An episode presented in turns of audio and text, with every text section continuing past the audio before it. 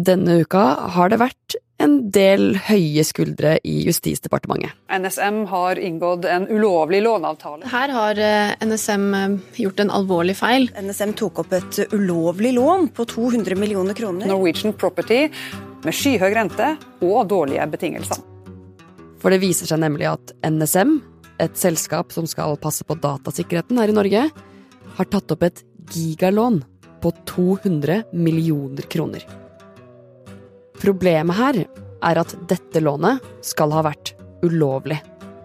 Og at de har signert denne låneavtalen uten at Justisdepartementet har visst om det. Du hører på Forklart fra Aftenposten. En podkast der vi forklarer én nyhet i hver episode. I dag om lånet som vokste fra 48 til 200 millioner kroner. Det er torsdag 14. desember, og jeg heter Jenny Føland. I oktober så sto justisminister Emilie Enger Mehl eh, på en liten scene hos Nasjonal sikkerhetsmyndighet eh, på Fornebu.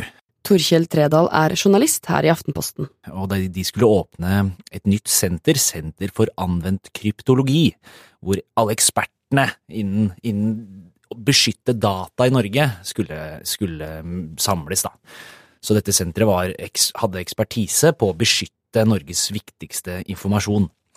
Og der sto Mehl eh, sammen med direktør for Nasjonal sikkerhetsmyndighet, eh, Sofie Nystrøm, og, og Nystrøm holdt et hvitt bånd som Emilie Enger Mehl klippet over, og de smilte om kapp, da. Og før vi forlater det nyoppussede og cybersikre senteret på Fornebu, så må vi først forstå hva NSM er.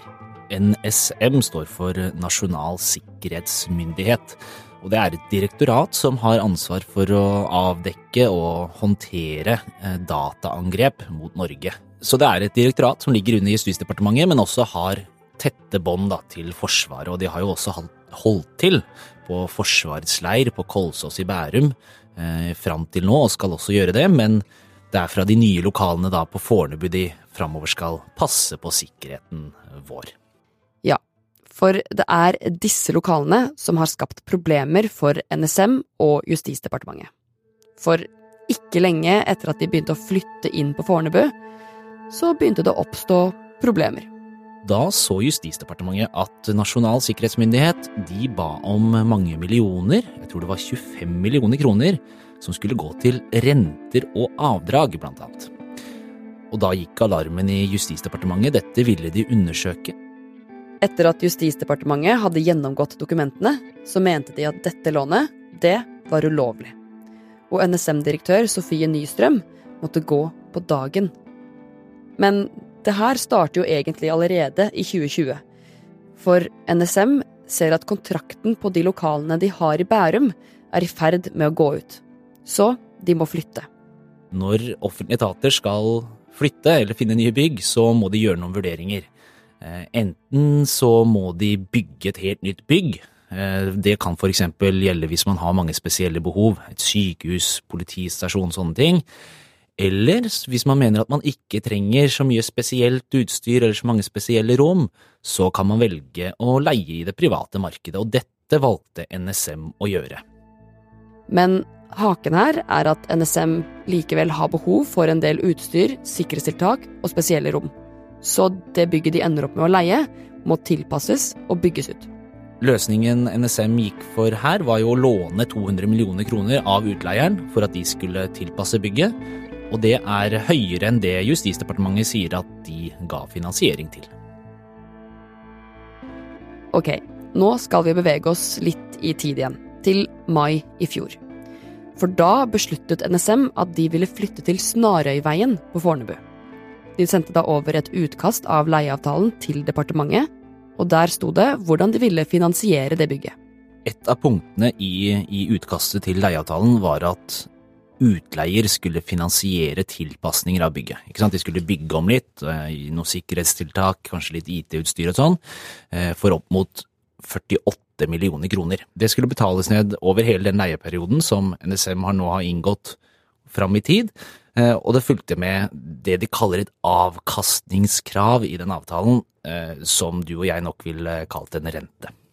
Så Bare et par dager etterpå så kommer det et nytt utkast til denne avtalen. Og nå ser den annerledes ut. De har endret litt på ordlyden, og summen er betydelig høyere. For det første så er summen som var på 48 millioner, blitt til 100 millioner kroner. Og for det andre så omtales denne finansieringsløsningen nå mer direkte som et lån, og det står i avtalen at det skal signeres en låneavtale med utleiere fremover. Og denne endringen, fra 48 til 100 millioner, og at det nå var snakk om et mer eksplisitt lån, det sier Justisdepartementet at de aldri visste om før i november i år, halvannet år etterpå. Så er det jo noe som har skjedd, da, åpenbart, i løpet av disse dagene i mai-juni, uten at vi helt vet hva som har skjedd ennå. Men hva er det som er mest oppsiktsvekkende med denne avtalen?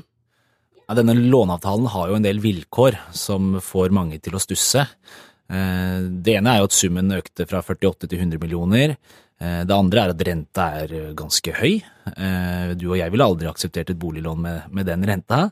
Og så inneholdt den et vilkår om at utleier kunne si opp låneavtalen på én måneds varsel, og at da måtte staten eventuelt betale tilbake alle pengene igjen.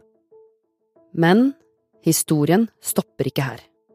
For i sommer blir det klart at NSM trenger mer plass, så de dobler lånet til 200 millioner, uten Justisdepartementets tillatelse.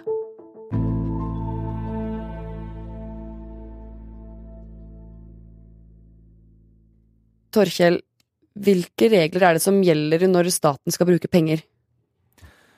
Det er jo én hovedregel, og det er at det er Stortinget, de folkevalgte, som bestemmer hva staten skal bruke penger på. Det er derfor vi har et statsbudsjett, og at den, det må bli enighet om et statsbudsjett på Stortinget. Så dersom det dukker opp et lån da, med ekstrautgifter som Stortinget ikke har ant om, så er jo ikke det akseptabelt. Og det var det som skjedde her? Ifølge Justisdepartementet så er det det som har skjedd her. Så har det lånet blitt tatt opp på eget initiativ, og da er jo statens økonomiregler brutt. I tillegg til at dette lånet på 100 millioner kroner hadde en høy rente og en utleier som kunne kreve hele beløpet på en måneds varsel, så fortsetter det også bare å vokse. Det skjedde i løpet av eh, sommeren, høsten i år. Da fant NSM ut at de trengte mer plass, så de utløste en opsjon, som det heter. De benyttet et vilkår i kontrakten om at eh, vi vil ha mer plass, eh, og da måtte det gjøres nye tilpasninger på, på mer areale. Og man økte lånet fra 100 millioner til 200 millioner. Men det lånet her, det måtte vel godkjennes av departementet, det også? Departementet de godkjente at NSM skulle bruke mer plass. Men igjen så er det denne låneavtalen som departementet sier at de aldri visste om, så de, de godkjente at man skulle betale mer i leieutgifter, og at NSM skulle få større areale, men låneavtalen som ble økt fra 100 til 200 millioner, var helt ukjent.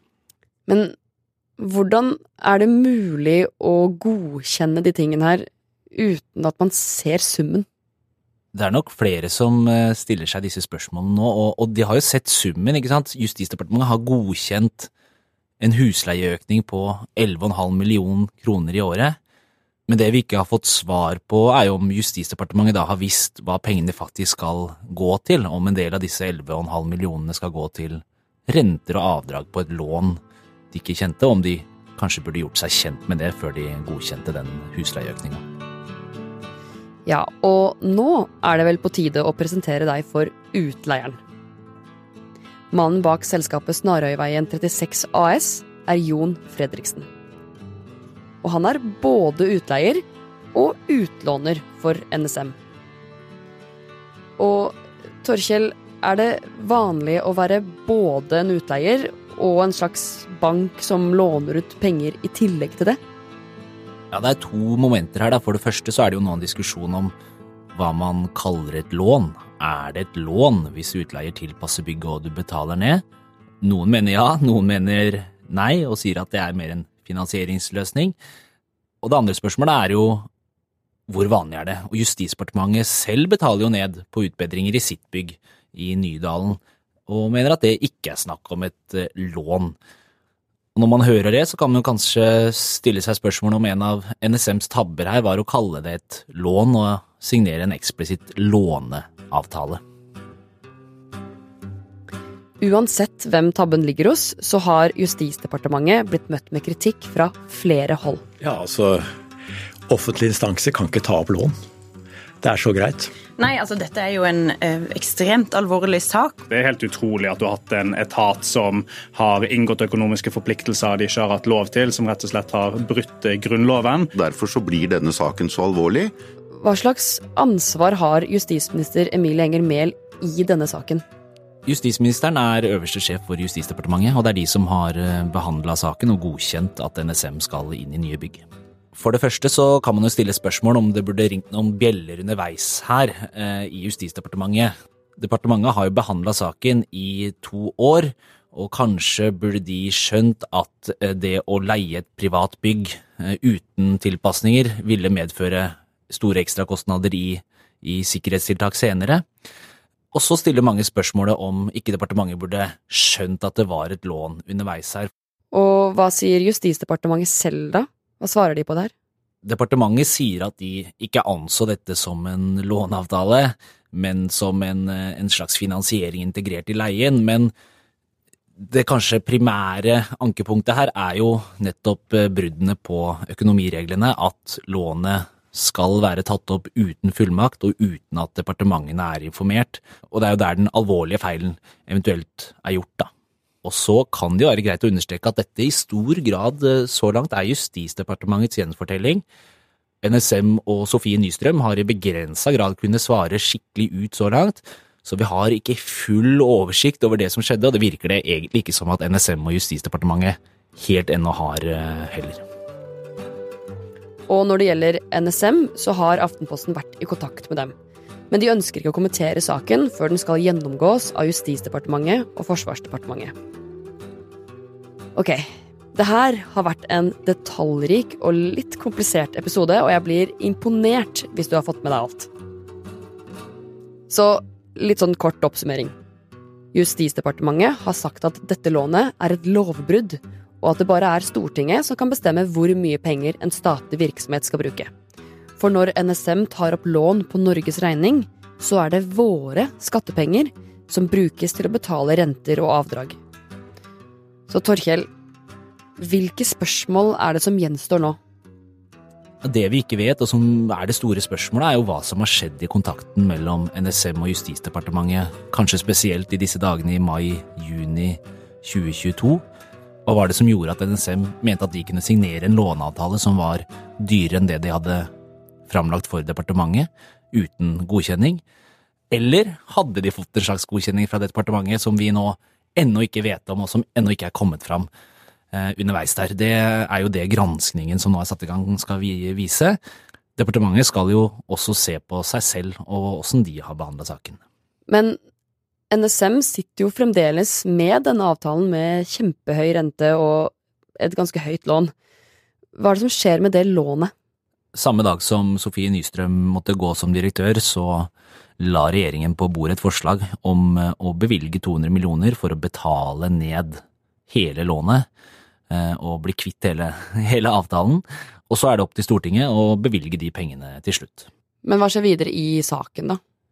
Nå skal jo alt dette granskes. Eh, man skal se på NSMs husleieavtaler ti år tilbake i tid, for å sjekke om det er sånn man har gjort det med låne- og leieavtaler tidligere også.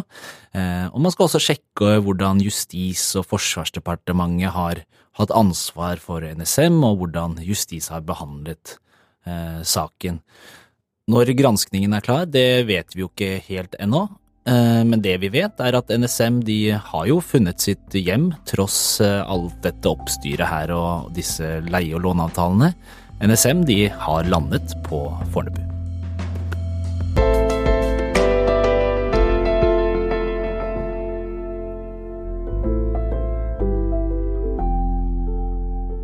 Du har hørt en podkast fra Aftenposten. Det var journalist Torkjell Tredal som forklarte deg lånet som lager trøbbel for justisministeren. Denne episoden er laget av produsent Fride Næss Nonstad og meg, Jenny Føland. Resten av Forklart er Olav Eggesvik, David Vekoni, Synne Søhol og Anders Weberg. Du har hørt lyd fra NRK.